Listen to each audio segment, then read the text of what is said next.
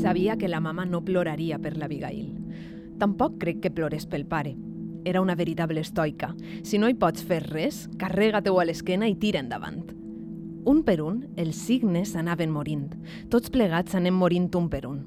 Tots fem la flaire de la mortalitat i no ens la podem treure de sobre.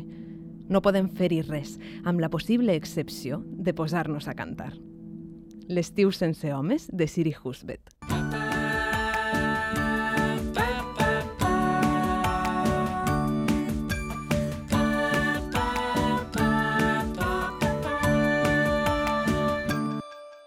Si jo et contara que escric poemes, que he llogat una casa en un poblet per a passar-hi uns mesos i que estic fent classes a adolescents, què em diries? Doncs segurament una cosa del tipus enhorabona, molt interessant, un plaer conèixer-te, eh? I ara me'n vaig i continue amb la meua vida.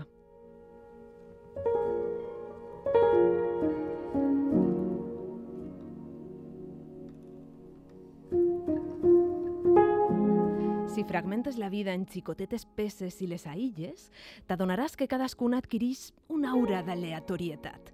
Vas néixer a Benissa, però podries haver-ho fet a Vilafranca. I en lloc d'estudiar Belles Arts, per què no triares enginyeria o història? La vida és com un trencaclosques que només cobra sentit quan ajuntes totes les peces i mires l'obra des de dalt. Llavors t'adones que eixa obra havia de ser així i no de cap altra manera. En este punt acabes de dotar la teua vida d'una narrativa, d'un fil argumental que en justifica cada minut, cada esdeveniment, cada emoció que has sentit i cada relació que has establert. Don't feel like talking and the weather doesn't ask me why.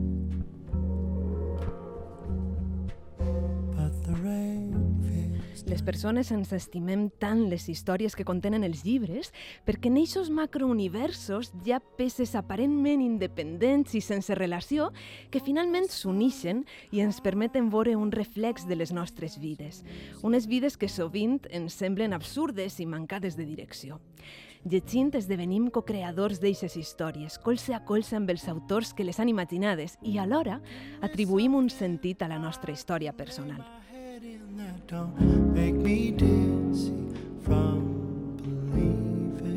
Tu i jo ja hem compartit la creació de 100 històries amb 100 autors diferents, perquè esta d'avui és la trobada número 100 a la meva habitació pròpia. Avui així en serem molts, ja ho veuràs, però, com sempre, al sofà hi ha reservat un lloc per a tu. I saps qui és la dona que està asseguda al teu costat? Doncs la poeta que fa classe a adolescents i que viu uns mesos a la caseta llogada del poble.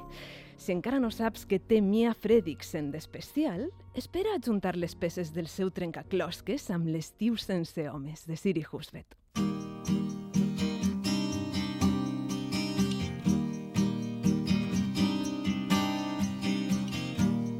You and I, we might be strangers. However close we get sometimes, it's like we never met. But you and I, I think we can take it. All the good with the bad, make something that no one else has but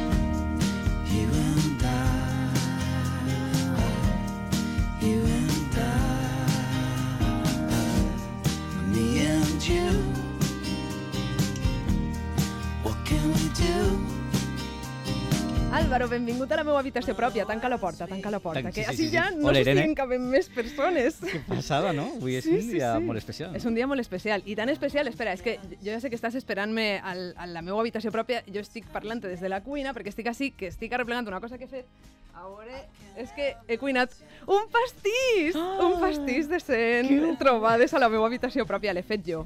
Molt bé. I és de xocolata Que guai, i m'encanta. Té molt bona pinta, per Sí, ara el provarem. Ara Vale, ens el mengem tu i jo i oh, el que passa és que haurem de deixar espai i haurem de deixar pastís per a molta gent Per que avui es passarà per la meva habitació Sí, pròpia, sí, bueno, saps? us ho deixarem. Sí. És una hora que, que veus picar un poquet i ja està, no? Sí, sí. A banda, jo no sé, penso que L'estiu sense homes de Siri Husbet és una novel·la que es presta a llegir-la mentre estàs menjant alguna cosa, Mhm. no? Estic d'acord. Crec que és una novel·la que se presta a xicotetes celebracions, no? Sí. Sí. Celebracions domèstiques, no? Sí, totalment. De, de dia a dia, de coses senzilles, casolanes, no? Sí.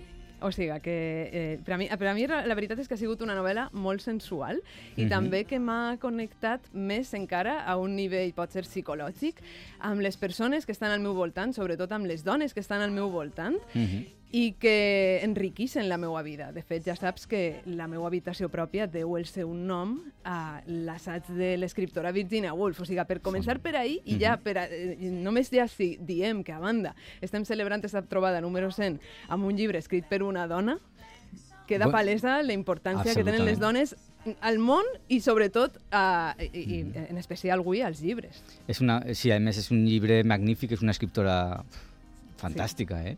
Sí. Realment és molt complexa, és molt culta, no? Eh, Després parlarem, no? Anirem parlant de coses, no? Però realment és una... Eh, a mi m'ha deixat bastant sorprès en algunes coses mm. per la sinceritat amb què conta les coses també. Jo crec que això és, mm, és molt valuable, no? Sí. Álvaro, és superimportant que avui tu i jo estem així parlant de llibres i reflexionant sobre la vida a través de les històries que contenen els llibres. I molta més gent s'ha donat de la importància que té això. Molta Mhm. gent que li agrada escoltar parlar sobre llibres, però també molta gent que parla de llibres, divulgadors literaris o gent que fa eh, els seus projectes relacionats amb els llibres i amb Mhm. divulgar la literatura. I se m'ha mm, eh, ocorregut que seria interessant també convidar-los a estar amb tu i amb mi a la meva habitació pròpia avui. Què et sembla? Em sembla fantàstic perquè sempre se poden compartir aquestes coses i en ese compartir coses és com s'aprenen també a... No s'avança, no? Exactament. Mm -hmm. O sigui, que t'avance que al final d'esta trobada, teua i meua, estarà així David Guzmán, Uau. que és el presentador de Ciutat Maragda, de Ràdio Catalunya, un programa, Catalunya Ràdio, en Ràdio Catalunya, Catalunya, Catalunya Ràdio, un programa de llibres que m'encisa. Però també vull presentar-te al llarg d'esta estoneta que passarem junts Mhm. altres divulgadors. Mhm. I començaré amb Jesús Sarmiento, que és un periodista, que fa un programa anomenat La Prestatgeria, a Ràdio Morell, que és un poble que està molt proper de Tarragona. És un Mhm. programa que va començar en 2020, fa no res. I li he preguntat per què creu ell que és important parlar de llibres a la ràdio. Hola, Irene i oients d'una habitació pròpia. Bé, primer de tot, felicitats per aquests 100 programes que heu complert. Esperem que en puguem gaudir de molts més. I dir-vos que, bé, nosaltres vam obrir des de la prestatgeria aquesta finestra a la ràdio per fomentar eh, el plaer que tenim per la lectura, perquè creiem que llegir t'obre la ment, llegir et desperta i fa que et preguntis moltes coses. Segurament que siguis molt més crític eh, amb el que t'envolta a mesura que et vas endinsant en mil històries i en mil autors. I perquè sense sortir de la teva habitació, llegint eh, un llibre, entre línies, segurament et permet eh, viatjar i conèixer altres realitats. En definitiva, volíem que els nostres oients eh, es despertessin i, i despertessin en ells inquietuds lectores que segurament, eh, en certa mesura, molt o poc, eh, tots tenim eh, un lector dormint dins nostre.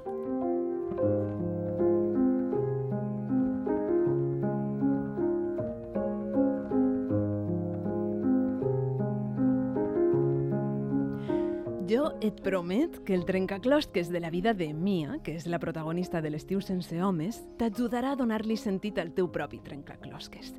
Mia és una poeta de 55 anys que se'n va a un poblet a passar l'estiu després que el marit l'haja deixada per una xica molt més jove que ella.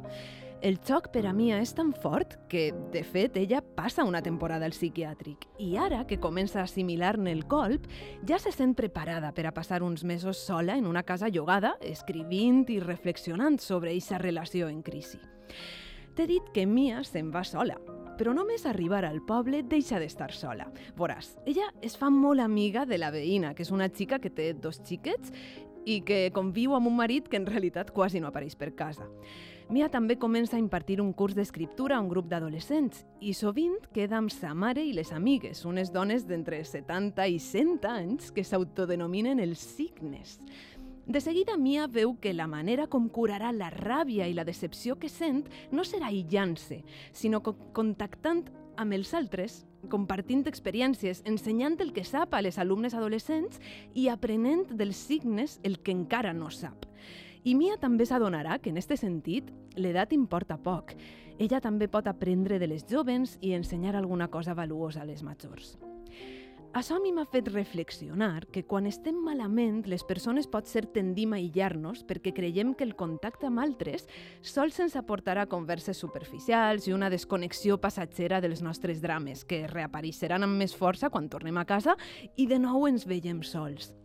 Però jo, després de llegir L'estiu sense homes, veig que no és tan així, perquè encara que no compartim què ens preocupa, relacionar-nos amb altres ens ajuda a sortir del pou. Per exemple, després d'un episodi d'assetjament entre les alumnes de la classe d'escriptura de Mia, ella, que fa de mediadora per solucionar el conflicte, s'adona que és molt més forta del que pensava. I parlant amb Abigail, una de les amigues de sa mare, sobre el passat revolucionari d'esta dona que broda minúscules imatges eròtiques en peces de roba, Mia veu que la seva sexualitat, que ja anava de capa caiguda, o això pensava, pot continuar viva i activa sense que importi el pas dels anys. El contacte humà de vegades és divertit, d'altres és veritat que molesta, però sempre conserva la capacitat de reconfortar-nos. L'únic que cal fer és triar bé les persones que vols que t'acompanyen, tot i que, de vegades, com li passa a Mia, això no es pot planejar. Senzillament hi apareixen. Com tu, ara, apareixes així per a mi i contactem a través d'esta història de Siri Husbet.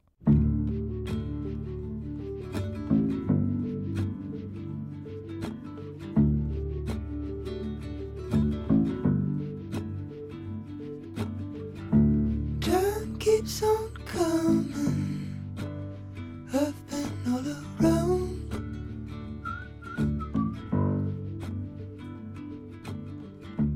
I'll keep on running till time catches on.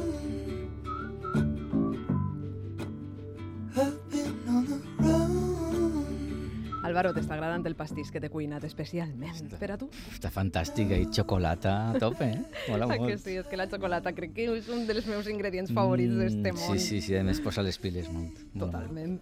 Álvaro, m'estaves comentant l'altre dia per WhatsApp, que vàrem estar tu i jo ja comentant, L'estiu sense Mhm. homes, de Siri Husbert, que és una novel·la que t'ha recordat en certa mida a Infelices, de Javier Peña, que te'n recordes que estiguérem parlant en la setmana passada? La setmana passada sí, mateix, sí, però el tem... Bueno, bueno, jo crec que és perquè és una pel·lícula que... Eh, perdó, és una, és una novel·la que fa... Podríem fer una pel·lícula, eh? Sí, és que estava pensant.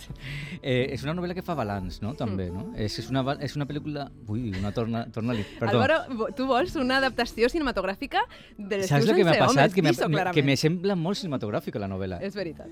Perquè, a més, ella, de fet, en un moment donat fa com que la càmera le seguís i ho teu Sí, compte, sí, no? sí, sí. Ara és quan jo me giraria i la càmera continuaria i tal, no? Bueno, Sí, sí. el cas és que m'ha recordat perquè sí, és com que fa balanç, no? Mm. Fa balanç en un moment determinat, és un moment més, diguem, ella és més, més gran, no?, que, que els personatges que hi senen infelices, no? Sí, que de ja Javier té Peña. 55, Sí, ells tenen 20 anys 35, més, no? 20 anys més. Ja, tenen, sí. ja té una filla que, és, que també és gran. Sí. Eh, i, I, clar, és un moment donat en el que pues, sí se troba tres, en què n'hi ha tres històries o tres, tres edats, no? Mm. Que és ella, que est- estaria un poquet ja...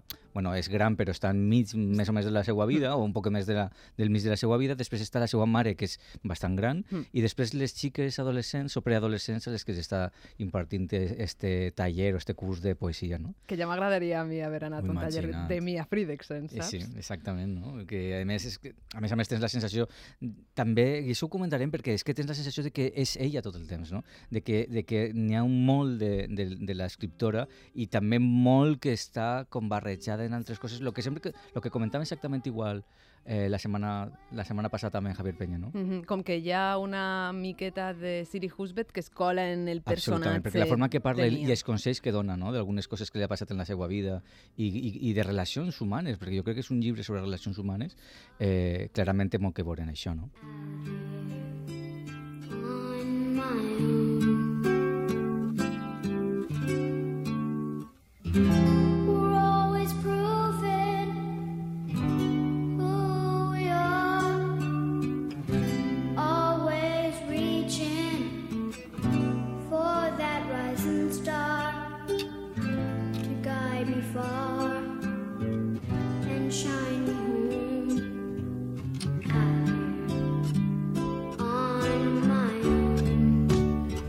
banda, en el cas de Mia, el seu balanç, el balanç, millor dit, que fa de la seva vida, ve donat per una circumstància prou traumàtica, que és la Mhm. separació amb el marit. La separació o no, perquè realment... Una pausa, no?, que mm, És com una pausa, sí, de Mhm. fet, ho, diu així. Sí, no? I la Mhm. pausa té nom de dona, perquè és la persona, és la xica amb la qual l'home se n'ha anat. eh, I això fa... Aquest balanç jo crec que ve donat per això i també perquè bueno, ella té un baixó, no? com un col·lapse no? Sí. a partir d'això i després se recupera i va a este lloc, no? el lloc que és on viu la mare, no? Sí. que suposa que és el lloc de la infància seva. No? Mm. I, I clar, ahir, encara que no se va a viure amb la mare perquè la mare està en una residència no? i és el lloc, un, una casa, un, un apartament, Mm.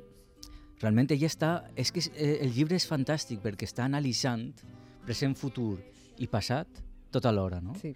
I després n'hi ha aquesta relació molt, molt, com molt, molt àgil, no? que n'hi ha també en la seva filla d'una manera, amb, amb l'ex d'una altra, després amb les, amb les dones grans, perquè ella està aprenent tot el temps, i clar, les dones grans le veuen també com una successora, en cert. Sí. Està com arribant a un punt en què ja ha de prendre el relleu, no? Mm. I no t'oblides d'este personatge misteriós, que mai Exactament. arriba a saber-se qui és, perquè Mia un dia comença a rebre e-mails, Exactament, del senyor ningú, no? si no, eh, eh, exacte, eh, anònims, Anònims, sí, sí. que li diuen... Bé, al, al final acaben sent com una mena de converses, converses filosòfiques, però al principi és una persona, un nens, no se sap si home o dona, que es clava molt en ella, Mhm. que la insulta moltes vegades Sí, sí, sí. I després, a poc a poc, a partir d'aquesta relació així com de confrontació que tenen, comencen a tindre ja una relació més, més sincera, per dir-ho d'una manera. Sí, no? més d'igual a oberta. igual. Sí, exactament. I, I és això, i comencen a, a fer mm, converses més mm, in, íntimes. Ella es Mhm. confessa, però l'altra persona també li confessa alguna por que té, i aquesta persona i en, en cap moment de la novel·la arriba a saber-se qui és.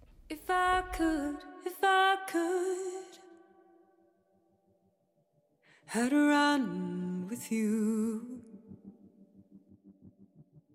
I'd run with you. And if I could, if I could, would you be happy? Would you be happy? Oh, misunderstood. Oh, misunderstood. Eh, Álvaro, m'agrada esta cançó. Dis-me el títol, que està a l'incloure a la meva llista Esta, de esta Spotify. cançó es, di, es diu If I Could i és de Sofia, Sophie Auster. Ah, la filla de Siri sí, Hosted. la filla de Siri Auster i Paul Auster. No sabia que cantava també. Jo sabia que ella era, pot ser, actriu de cine. Actriu Anava a de dir directora, pues, però sí, crec té, que no. té un- algun disc, no sé, molts, però un parell perquè és jove, la veritat, és una, és una xica bastant jove, i la veritat és que informar-me està, està, és molt interessant també veure, no? Eh, té algunes cançons, a més, que és també de relacions humanes, de persones Mhm. que intenten no, trobar-se a si mateixes. Jo crec que eh, per el, el, el, personatge de Mia, no? Sí. Re- realment és un personatge que està trobant-se tot el rato. Eh, Bueno, en un moment de la seva vida que potser ha perdut, Mm. no? Eh, d'alguna manera el camí que estava marcat ja des de, des de fa temps i tornant a reviure coses i a imaginar-se altres possibles es recupera a si mateix, no? Jo crec que això és un tema molt... No sé si has vist, ara que parles de Sophie Oster, clar, el marit de Siri Husbeth és Mhm. Paul Oster, mm, i no sé si has vist que hi ha una picada d'ullet en el llibre a Paul Auster. Parla de la música de l'Azar, que La és una de les seues novel·les, Sí, i ella sí. diu, parla d'esta novel·la i diu, sí, com diu un molt conegut autor nord-americà a la seva novel·la, la música no? de, les, de, de l'Azar. M'ha fet molta sí. gràcia, això. Però això és una, una característica que després, si vols, aprofundim un poc més, però m'ha semblat increïble la referència cultural que té Sí. Que té Siri Husband, no? De fet, ahí parla de Stanley Cavell, de Stanley Cavell, que té un llibre magnífic és de, de, de Pursuit of Happiness, Sí. que és parla sobre pel·lícules de Hollywood clàssiques que tracten el tema del recasament, de tornar-te a casar, no? Mm, es I nota crec que és que- una història molt, que encaixa molt en això, no? Sí, ella es, fa moltíssimes referències a totes les arts durant esta novel·la i em fa la sensació que en tots els seus llibres. Mhm. Álvaro, m'agradaria presentar-te a una escriptora que s'anomena Aixa de la Cruz i que l'has de llegir. Ja et deixaré Mhm. jo la seva novel·la que tinc, que s'anomena Canviar d'idea i que la vaig llegir este estiu. Després en parlaré més d'en ella, però ara vull que escoltes com és la seva habitació pròpia. Bueno, pues la verdad es que tengo vicios raros para escribir. Me gusta mucho aislarme en espacios muy, muy, muy pequeñitos. He vivido en casas eh, con muchas habitaciones y siempre elegía la habitación más pequeña, la más, la más oscura, la más encerrada. Siempre me ha hecho gracia esta, esta manía que tengo y, y me retrotrae un poco a la infancia eh, mi abuelo tenía un, taller de- de confección y tenía una mesa de patronaje gigantesca con los bajos cubiertos y en esos bajos yo me pasaba la vida, te guardaban ahí botones y, y los, los rollos de costura y demás y yo me encerraba ahí a leer con una linternita y yo creo que de alguna manera esta idea como de que me siento cómoda pensando, escribiendo y leyendo en espacios muy reducidos viene, viene de, de la infancia, de esa época en la que me sentía como más cómoda y protegida debajo, debajo de la mesa. Y eso es básicamente lo único que, que identifica las diferentes habitaciones en las que he escrito a lo largo de mi vida, porque por lo demás han sido variadas, han estado en diferentes lugares y no, no tienen gran cosa que las, que las individualice.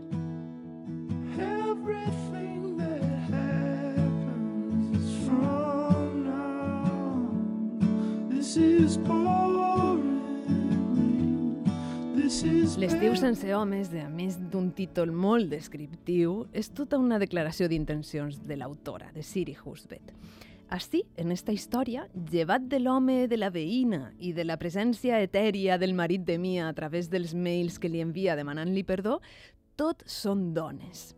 Jo no sé si és el cas dels homes, perquè mai he estat ni estaré en una reunió exclusivament masculina, però sí que puc dir que les dones fem el que fa Mia en esta novel·la, és a dir, compartim confidències entre nosaltres, no tenim por de parlar d'emocions, ens contem allò que ens fa ràbia, tristesa, alegria i goig. I no ho fem només per atraure-ho fora i ja està, sinó també perquè sabem que sentir-nos escoltades i entendre les vivències d'altres dones ens pot ajudar a transcendir les nostres pròpies experiències. Llegint l'estiu sense homes, jo tractava d'imaginar-me que en lloc de les estudiants de Mia, hi havia els estudiants, i que en lloc de la mare i les amigues eren el pare i els amics. I la cosa canviava, canviava radicalment. A mi em ve a la ment la paraula tribu. Jo crec que les dones, i pot ser també els homes, no ho sé, necessitem la nostra tribu de dones. Necessitem aquest espai on puguem veure reflectit i comprès el nostre trencaclosques particular. Jo, com a dona, he trobat la meua tribu amb les amigues de sempre, però també amb les més noves. N'he trobada una altra a les xarxes, on seguisc dones valentes que desafien els cànons de bellesa i els prejudicis del masclisme. I n'he trobat una més, una de molt important, en les dones escriptores, que t'he de confessar, fa uns anys apenes llegia, i que a poc a poc he anat descobrint fins a donar-me que en els seus escrits hi ha una visió del món que s'aproxima més a la meva experiència que la visió que expressen els escriptors homes, per molt que els admire i que continue llegint-los amb gust i passió. Siri Husbeth no ho sap, però ella ja forma part de la meua tribu. I si llitges l'estiu sense homes, estic segura que també ingressarà a la teua. Jo sóc conscient que és molt important mantenir viva la literatura, que no deixa de ser un patrimoni valuosíssim de la humanitat, i per això també crec que deu ser necessària la seva divulgació per mantenir-la viva. Però si t'he de ser sincer, mai m'ha agradat la paraula divulgació. Em trasllada a classes de literatura insuportables, interminables, i polítiques públiques que el que aconsegueixen és treure't les ganes de llegir. Jo, sincerament, parlo de literatura al meu canal de YouTube no per fer divulgació, sinó perquè em flipa llegir. I no tenia ningú al meu voltant que compartís aquesta passió i amb qui jo pogués desfogar-me amb totes les reflexions i totes les sensacions que em feia viure l'últim llibre que havia llegit. Les xarxes socials el que m'han permès és connectar amb gent de tot el món que comparteix aquesta passió. I crec que és així com s'ha de parlar de literatura, sense sacralitzar-la amb naturalitat, amb espontaneïtat, no com un deure, sinó com un veritable plaer. What we know,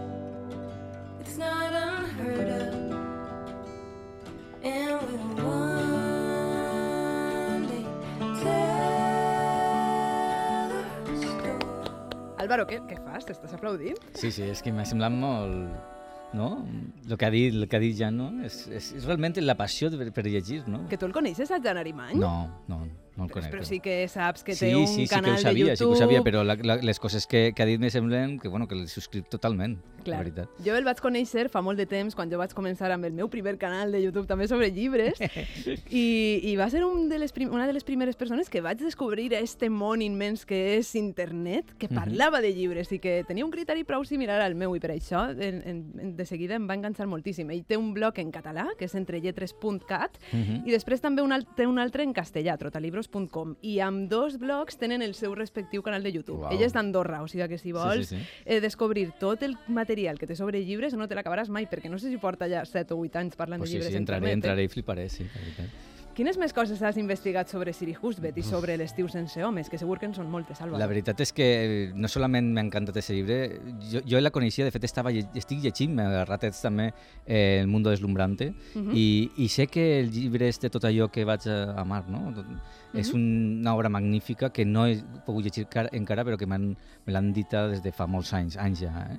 I, però sí que he, he tingut la, eh, bueno, l'interès de buscar més coses. Primer, m'ha sorprès, bueno, no m'ha sorprès, no, coneixia coses, he llegit articles, he llegit entrevistes i, algun, i fins i tot el discurs de quan li donaren el Premi Principi, principi, eh, Princesa, Princesa ja. de- sí, Princesa d'Astúries. Va ser en 2019, veritat? en 2019, sí. I, i realment mm, m'interessa molt aquesta idea que té de, de transdisciplines, no? que Mm. crec que és molt característica d'ella. I una de les coses que va dir que, que em semblen fonamentals, fins i tot que va dir que parlant en, una vegada durant una conferència en un hospital, dient a metges que havien de llegir filosofia i literatura i deia, per a què me va servir això? Per ser millor en el, en el, en el seu treball. No? Mm. I jo crec que això ho té molt clar, ella, que millor novel·lista serà quan més coses sàpiga, no? Exacte. I de més coses, no? Sí. I, I això es nota claríssimament en, la, en esta novel·la i en altres seues segurament també, perquè la referència, el que hem dit, la, la referència que fa a molts, a molts eh, elements i molts àmbits de la cultura, de la ciència,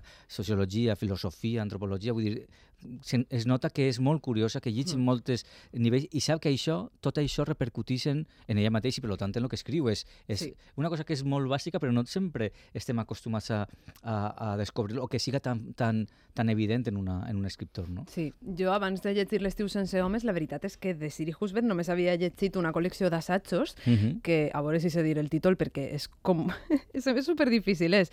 Que és la dona que mira els homes que miren a les, dones. Exacte. És una col·lecció d'assajos Uh -huh. sobre molts temes, però jo crec que hi ha com dos o tres línies principals que serien, penso jo, l'escriptura, Uh -huh. la medicina i després la psicologia, el psicoanàlisi, perquè ella parla molt de psicoanàlisi, de fet s'ha psicoanalitzat durant no sé ni quants anys, Uh -huh. i jo a ella vaig percebre això, que ella mescla moltes disciplines sense cap Mhm. complexe, perquè Sí, pot sí. ser ja altres escriptors o altres pensadors intel·lectuals, científics, Mhm.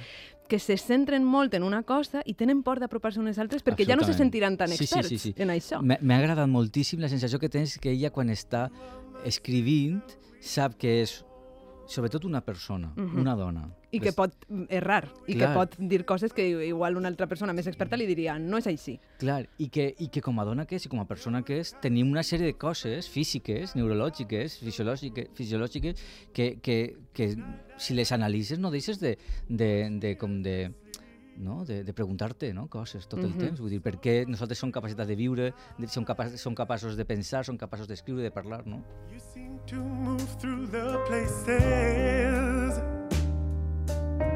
that I feared. You lived inside my world so softly, protected only by the kindness of your nature. You are my sister, and I love you.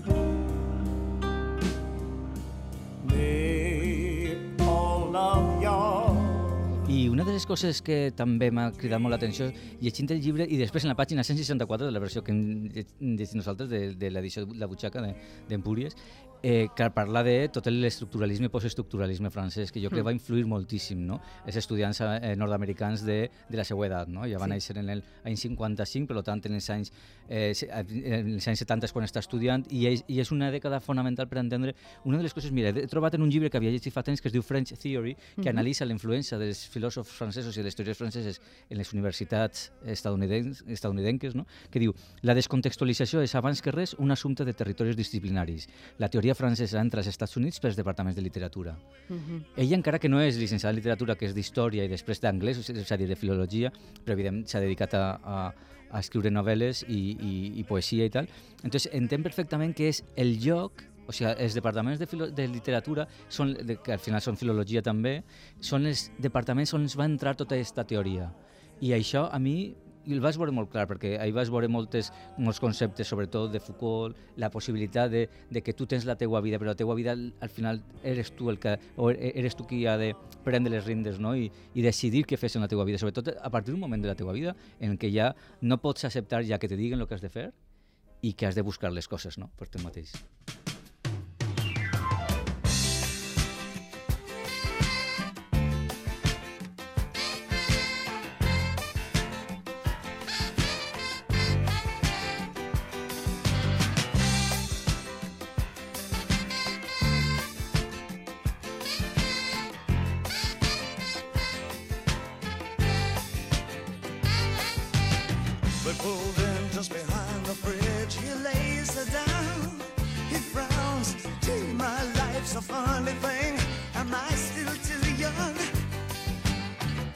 He kissed her then and there.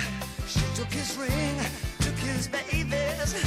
It took him minutes, took her nowhere. Heaven knows he'd have taken anything. Sobre el postestructuralisme francès jo hauré d'informar-me més, eh? perquè m'has deixat Bueno, però de, amb el cap trencat, Però sobretot Álvaro. a mi, el que llegint este llibre, eh, jo crec que és fàcil, no? És fàcil congregar al voltant seu tot un feminisme fet sense estridències, però tampoc, tam, també sense cap concessió, mm. és a dir, eh, que defen la llibertat personal per damunt dels convencionalismes, i jo això ho, ho veig molt clarament en aquest tipus de, de filosofia de Foucault, de Deleuze, no? de Guat, Félix Guattari, però també he vist una certa re referència a una autora que es diu Chantal Mouffe, mm -hmm. que té un llibre fantàstic, és de, de Return of the Political, que, i que ella parla del concepte de democràcia radical. No? La democràcia radical que parla ja de que els antagonismes que se, sempre s'havien plantejat com, com és, per exemple, en, la política, com, com enemics, uh -huh. es, han de convertir-se en adversaris. No? Aquesta xicoteta diferència que ara Donald Trump està convertint de nou en, en, en enemics, no? i a més ho diu particularment és que clarament està parlant en contra d'aquestes polítiques sí. de democràcia radical. No?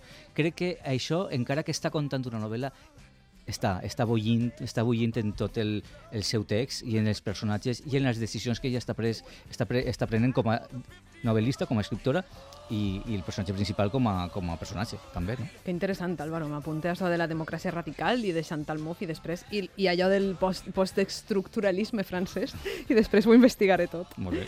Ja t'he contat abans, Álvaro, que fa poc vaig llegir Canviar d'idea d'Aixa de la Cruz i tenia moltes ganes de convidar-la a la meva habitació pròpia i he dit Avui, que és el dia 100, la trobada número 100, es el moment perfecte para convidarla. Aisha, tengo muchas cosas que preguntarte, pero lo primero que me gustaría saber es en qué consistía esa beca que te dieron hace tiempo en la Fundación Antonio Gala y si crees que fue allí donde, digamos, te lanzaste como escritora. La verdad es que sí, estoy eternamente agradecida a esa beca porque, bueno, consiste, es una beca, es una residencia. Te pagan la manutención, el alojamiento y tal durante nueve meses en la, en la sede de la Fundación en Córdoba, que es un convento precioso, eh, rehabilitado y tal, en compañía con, de otros escritores y artistas plásticos, músicos. Y bueno, y la idea es que con 18 años me soldaron allí sin ningún tipo de supervisión directa, no, no hay clases, no hay nada, con el único propósito de escribir, escribir una novela, ¿no? Y realmente siempre, siempre señalo esta beca como el momento en el que yo me hice escritora, ¿no? Porque yo llevaba toda la vida escribiendo, pero es decir, esta idea de, de descubrir que realmente lo que quería hacer con mi tiempo, es decir, si tuviera todo el tiempo del mundo, si pudiera permitirme lo que querría escribir, esta, este descubrimiento pues tuvo, tuvo lugar eh, a lo largo de estos meses en Córdoba. Creo que tú a la Fundación Antonio Gala te presentas con un proyecto, eh, que no sé si fue una novela, me parece, y sales de allí y ¿qué haces con esa novela? ¿La empiezas a presentar a editoriales o cómo la mueves? Sí, bueno, tuve, tuve mucha suerte realmente con lo difícil que es publicar y abrirse paso en el, en el mundo de la literatura. Yo la verdad es que en mis comienzos tuve mucha, mucha suerte porque eh, durante estos nueve meses de la beca yo escribí una novela y ese año en particular eh, la Fundación Antonio Gala tenía un acuerdo con Editorial Almuzara para publicar uno de los textos que salieran de, de aquella promoción Hmm. y eligieron el mío. Así que también me vi, me vi muy pronto, ¿no? Con, con 19 años recién cumplidos, con una novelita eh, publicada. Es una novela juvenil con la que yo ahora mismo no me, no me identifico en absoluto, pero sí que, sí que me permitió también pues eh, descubrir cómo funcionaba el mundo editorial desde dentro, pues eh, muy joven. Muchos em, críticos o mucha gente que, que ha leído tu libro mm, opina que cambiar de idea relata sobre todo el paso de la juventud a la edad adulta en ese momento clave que son los 30 años, esa barrera emocional o psicológica. Pero para mí más bien eh, cambiar de idea era como el testimonio de una mujer que de repente se da cuenta de que vive en un mundo dominado por un machismo del que quizás hasta ese momento no había sido muy consciente, lo que no significa que no lo sufriera. Y yo me pregunto si tal vez cambiar de idea es una mezcla de esas dos perspectivas. Sí, totalmente. Creo que son las dos cosas al mismo tiempo, ¿no? Que es una novela, bueno, que es una novela de formación, ¿no? Porque sí realmente hablo de, de de qué manera yo me hice adulta, pero sí, eh, para mí hacerme adulta tiene mucho que ver con adquirir cierta conciencia política de la que carecía eh, anteriormente, ¿no? Y tiene mucho que ver, como tú comentas, con descubrir el feminismo, con, entender que, bueno, que mi presencia en el mundo está atravesada por ciertas opresiones, por ciertos, eh, por ciertas dimensiones que yo no controlo, pero también tiene que ver con otras cosas, ¿no? Sobre todo con, con aprender a, a mirar el dolor de los demás sin mediaciones, ¿no? Con, con aprender a ser más empática. Eh, obviamente son todo, eh, todos estos descubrimientos que al final eh, yo descubro que están muy relacionados, ¿no? que todo el sufrimiento que yo he visto alrededor en mis círculos más íntimos están muy relacionados con la violencia sexual. Me llamó mucho la atención un pasaje de Cambiar de Idea en el que hablas de las píldoras anticonceptivas y de la medicalización del cuerpo femenino, que dices, sonaba lógico que ser mujer fuera algo de lo que tuvieran que curarme. Y para mí esto fue como un puñetazo en toda la cabeza y de repente me di cuenta de cuántas veces a las mujeres en nuestra vida cotidiana nos tratan de esa forma, como si ser mujer, con todo lo que comporta, fuese una enfermedad de la que de algún día, si tenemos suerte, nos curaremos. Totalmente, sí, para mí fue, fue un descubrimiento, ¿no? Empezar a leer sobre estos temas, sobre eh, medicina diferencial, sobre estas cosas que pasan, ¿no? Que muchas veces las mujeres vamos al médico y lo que acusamos son síntomas de, de explotación laboral, como quien dice, ¿no? Mucho estrés, mucho agotamiento, mucha ansiedad. Se considera que tenemos muchos dolores crónicos de los que nadie tiene, tiene muy clara la, la razón, ¿no? Y, y se nos sobremedicaliza cuando en el fondo seguramente son dolores que tienen todos ellos una causa, una causa social, eh, cultural, estructural, ¿no? Y con el tema de la menstruación pasa muchísimo.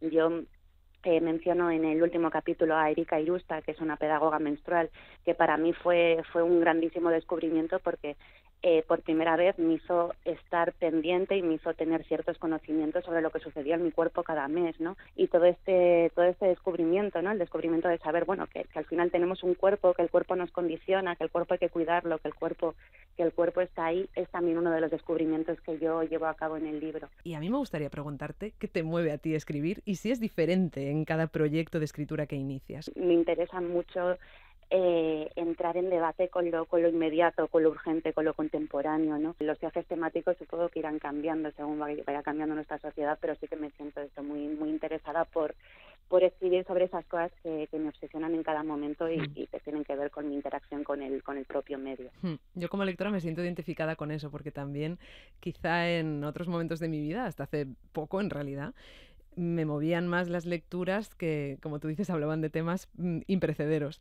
Pero últimamente me estoy acercando más a ese tipo de literatura actual, eh, política, como tú dices, y me siento muy cómoda. Y era algo que quizá por educación o, o condicionamiento o entorno nunca había descubierto. O sea que si sigues por esa línea, y si no también, yo voy a seguir leyéndote. ¿eh? Como mínimo tienes una lectora. Pues mira que bien, muchísimas gracias.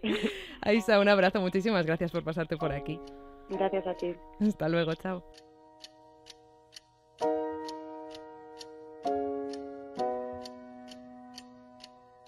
Álvaro, vull presentar-te una persona que tenia moltes ganes que conegueres, encara que ja sé que d'oïdes la coneixes. Jo també la conec d'oïdes, perquè realment no ens hem vist mai en persona. Mhm. Però tenim habitacions pròpies molt paregudes, saps? Perquè ell és David Guzmán, que és de Ciutat Ah, sí, Maragda, de sí, sí, Catalunya, de Catalunya Ràdio, un sí, programa sí. de llibres. I l'he convidat a que estigui avui amb tu i amb mi a la meva plaer. habitació pròpia. Mira, digues, hola David, a veure si et contesta. Hola, David. Hola, com esteu? Molt bé, i tu, David, com Quin- estàs? Quin plaer. Molt content, molt feliç de, de ser convidat a la vostra habitació, una habitació que conec i que celebro i que, a més a més, efectivament compartim aquest vici dels llibres eh, i aquesta virtut i, i, per tant, encantat de saludar-vos. Com esteu vosaltres? Molt bé, esperant que vingueres i que estigueres una estoneta amb nosaltres parlant d'allò que compartim, que són els llibres i tota la vida que ells contenen. Amb estos, mm, estes habitacions germanes Mhm. que estan un poc separades per quilòmetres, però ara mateix Nacions Unides de cor a cor. I Això és a través de meravellós. Per les zones, sí, sí. David Ciutat Maragda és un programa que porteu fent des de juny de 2017 a Catalunya Ràdio. Com va sorgir la idea de crear aquest espai?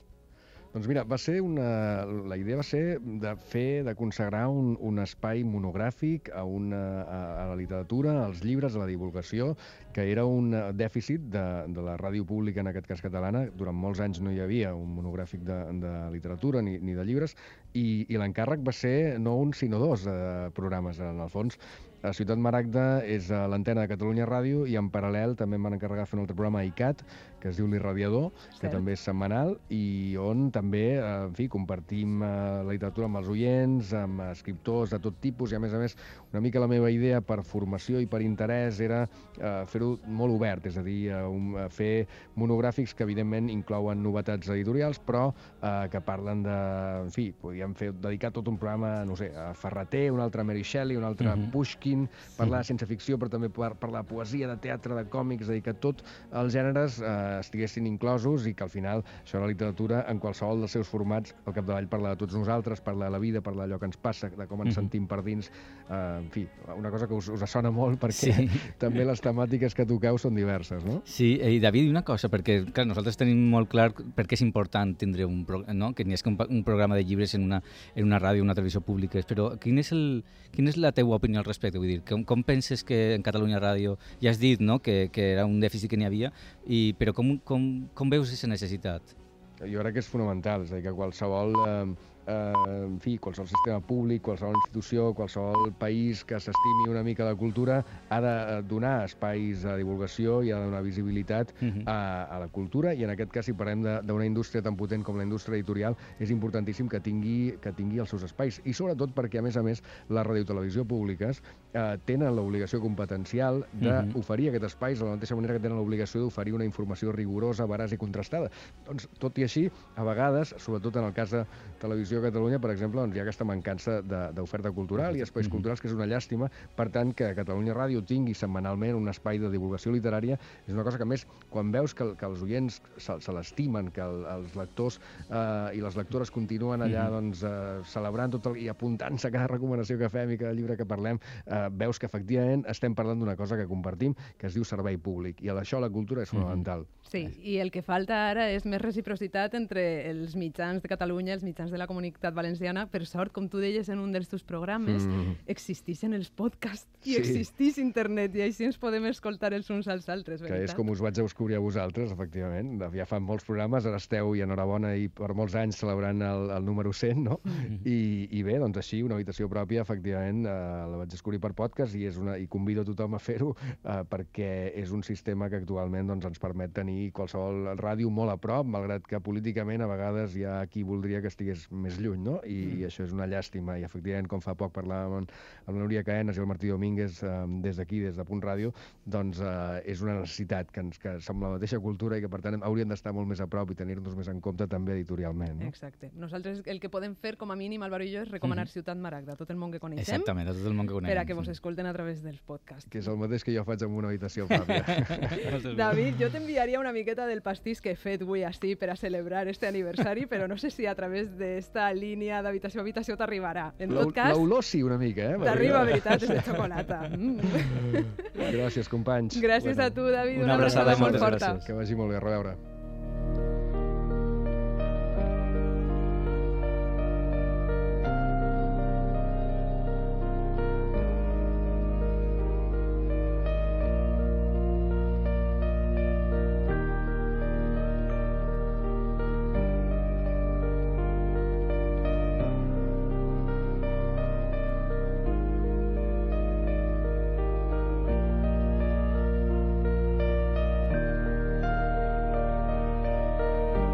Avui han passat per ací Jesús Sarmiento, de Ràdio Mhm. Morell, Jan Arimany, de Sí. Entre Lletres i Trotalibros, ara David Guzmán, de Ciutat Maragda. Mhm. Tinc dos sorpreses més. De moment, et desvetllaré una, Mhm. que és Òscar López, el presentador sí. i director de Pàgina 2, Sí, que és el programa sí, de sí. divulgació literària de la 2 de Televisió Espanyola. També m'ha volgut contar per què creu ell que és important parlar de llibres als mitjans públics, en el seu cas, escolta. Primer de tot, vull felicitar a tot l'equip d'una habitació pròpia de punt per aquest aniversari.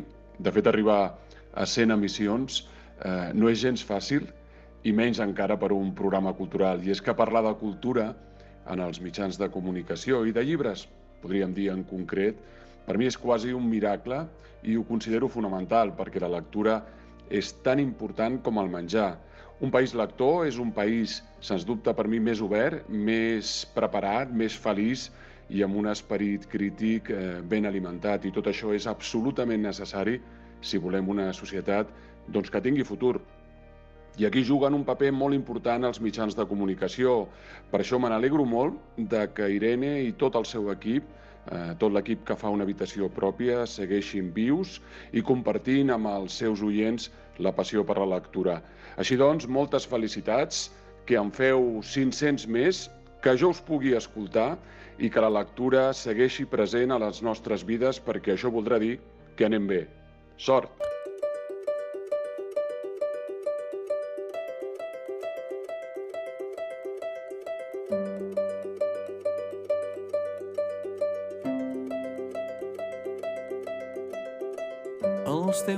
Ulls cavalcaven buscant un desig, les espelmes cremaven i alguns dels amics t'enfocaven amb càmeres de retratar.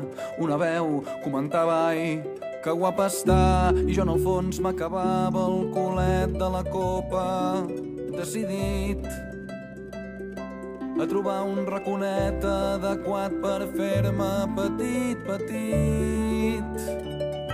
Del tamany d'una mosca, del tamany d'un mosquit, per un cop empetitit.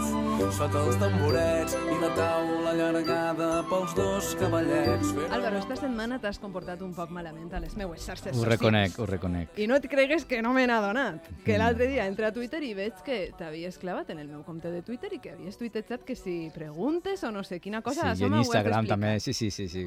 Bueno, pues, que, bueno, que volia donar-te un... Jo, sab... jo sé que en les xarxes socials és difícil donar sorpreses, no? perquè t'enteres de tot, Sí. però volia fer una, bueno, un joc, no? Un intent. Un intent, a veure si passa de ser percebut, però sembla que, que no T'he ha sigut. pillat, Álvaro. Sí, però bueno, hem aconseguit unes preguntes molt interessants, que la gent vol saber coses de tu, Irene. Tens que, A mi això em fa un poc de vergonya que Has de saber eh? que eres una persona mm, pues, molt volguda, no? I que la gent vol saber què, què fas i què, i què són les teues inquietuds també com literàries, no?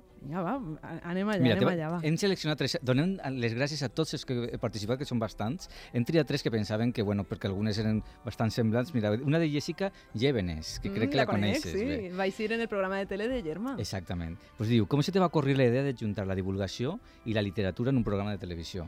A veure, eh, perquè jo crec que la literatura, o els llibres, millor dit, que m'agrada més la, para la paraula llibres que literatura, perquè Mhm. literatura és com una cosa molt abstracta, no? que no es pot Mhm. tocar. En canvi, els llibres sí que pots tocar-los. Eh, jo sempre he pensat que és una, un art que es pot traslladar perfectament al món audiovisual per a que estigui més, fàcil, com, mm, o sigui, més fàcilment comunicable, si es pot Mhm, dir mhm. així. Sí, sí. Hi ha persones a les que no els agrada molt llegir, però pot ser si els parles de llibres a través d'un format més assequible, com pot ser la televisió, Mhm. eh, s'hi poden animar a apropar-se a un llibre. I això va ser un poc la motivació. Totalment. Mira, després tenim un altre, un altre de Jaume Ruiz Peiró, que, te, que pregunta que si també llitges llibres de filosofia i si en aquest cas, si, si, en cas afirmatiu, quin és el teu filòsof favorit? Vaig tindre una temporada, fa molt de temps que llegia molts llibres de filosofia, però eh, la veritat és que sempre m'he sentit molt atreta cap a la filosofia oriental. Uh -huh. I un filòsof que m'agrada molt i que tinc diversos llibres a ma casa, de fet, eh, l'altre dia em vaig recordar que tinc un que el vaig prestar per ahir i ja no m'ha tornat. Això passa de vegades, que, que prestes llibres Sí. i no tornen a la Sí, sí. prestatgeria de l'habitació pròpia. Però és Jiddu Krishnamurti, no sé si el Mhm. coneixes, Álvaro. No, no el conec. És no. un filòsof indi que Mhm. parla molt de, diguem, de l'experiència transcendent i sobretot de com a través de la meditació, del- d'estar present, de la consciència, pots arribar a conèixer-te més a tu mateix i estar més present en la teua vida. Però és Mhm. una filosofia prou profunda, no és este mindfulness sí. que ara està per tot arreu, Sí, sí, sinó sí. que té una base filosòfica molt forta i, i m'agrada molt com O s'expressa sigui que ell. és- de Siddhartha, en certa mida, té Sí, mira, una vinculació. el dia que no? parlarem de Siddhartha Sí, podríem haver parlat de Krishnamurti. I un altre de Ceci Evia, que diu eh, si escrius, perquè Mhm. jo les he dit que, bueno, que estàs ahí escrivint coses i que encara no sabem per on hi seran, perquè diu, si escrius me gustaría sa- me gust- m'agradaria saber sobre què temes escrius. Sí que escric des de sempre, sempre he escrit. I Mhm. sempre m'he centrat, quan era xicoteta, em centrava molt en la ficció, escrivia contes, Mhm. I després, ja d'adolescent fins fa no molt, m'he centrat moltíssim en els diaris. Sempre he escrit Mhm. diaris. Eh, pràcticament tots els dies de la meva vida tinc diaris i tinc quaderns i quaderns de pàgines escrites. I últimament estic tractant d'escriure una novel·la. Sí, però no sé, no sé on arribarà. No sé on Brava. arribarà, perquè avui, per exemple, he estat escrivint abans de que tu vingueres a la meva Mhm. habitació pròpia i tinc un dia molt negatiu per escriure. Pense que és un horror el que Però estic és que escrivint, però demà igual penso una altra cosa. Clar, és que és normal, no? Eh, no és fàcil, és una cosa que tens que lluitar-la, o lluitar-la en, el en el bon sentit, eh? Exacte. De que estàs ahí, bueno, pues, aconseguint coses cada dia, no? Bueno, pues aquestes són les tres preguntetes que volíem fer-te. Ah, i moltíssimes gràcies, Álvaro, i a la gràcies gent tot, que les ha fet. Exactament, gràcies a totes i a tots per, per haver estat tan, tan amables i tan simpàtics esta setmana. Que guai. M- Molt bona forma de celebrar este encontre número Sí. 100. I per al 101, saps quin llibre tinc per a tu, Álvaro? Digues, digues. Lectura fàcil, de Cristina Morales. No sé si Mm. saps Sí, que és el llibre que ha guanyat, primer, el Premi Herralde de Novel·la, que concedís Anagrama, Mhm. l'editorial on està editat Lectura Fàcil, i després el Premi Nacional de Novel·la de 2019 a Espanya l'any passat. O Molt- sigui, o vas sigui, a és flipar en impor- llibre. Molt important, Sí. des del... sí, sí. Som com quatre llibres en un llibre. Eh, Te'l Mhm. dice així i la setmana que ve en parlem, d'acord? I ara, per acabar de celebrar este encontre número 100, he convidat també Marta Meneu, que fa poc va estar així a la meva habitació pròpia parlant-me del seu llibre El Senyal, i ara ve en qualitat de divulgadora literària, perquè ella a banda té un canal de YouTube en València que s'anomena La Prestatgeria de Marta. És important parlar de llibres perquè jo pense que no són històries enquadernades que acaben a l'última pàgina i ja està, sinó que el més emocionant és justament el que passa després d'acabar-les, no? Les reflexions, els comentaris, eh, els descobriments que fas sobre un lloc que eixa la història.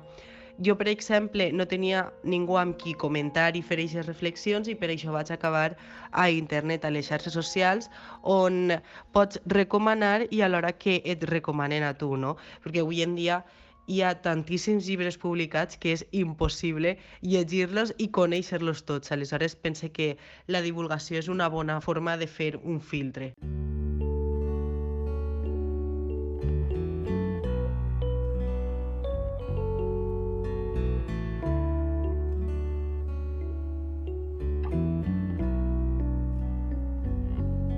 Vaig néixer en una família lectora. No vaig tardar a escriure les meues primeres historietes. Després, més tard, vaig estudiar periodisme mentre descobria autors, gèneres i editorials. I un dia, un bon dia, vaig començar a parlar de llibres per internet i ara ho faig així, des de la meva habitació pròpia de la ràdio.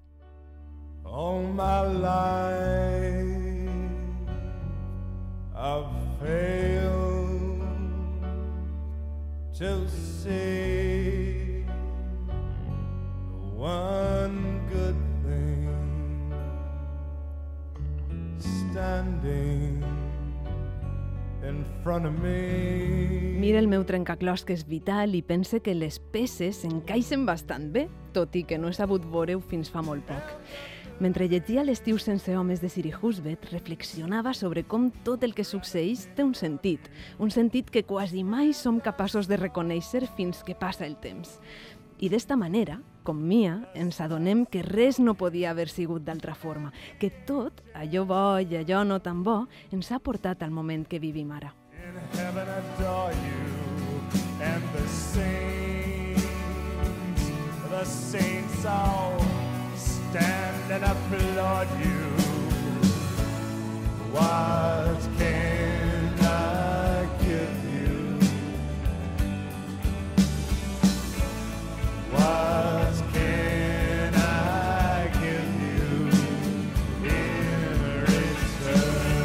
Estic molt i molt feliç que tu sigues una peça més del meu trencaclosques. Tu, Álvaro, els divulgadors que han acudit a esta cita número 100, els autors i les autores que han passat per la meva habitació pròpia i els que encara no ho han fet. Un dia adjuntarem totes les nostres peces qui sap si serà per a celebrar les mil trobades. T'imagines com serà la història que contarem eixe dia? Jo estic desitjant llegir-la i, com sempre, espero que siga amb tu, al teu costat. Fins a la pròxima lectura. All my life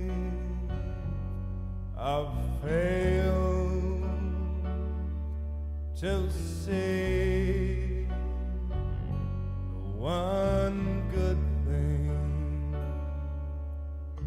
standing in front of me.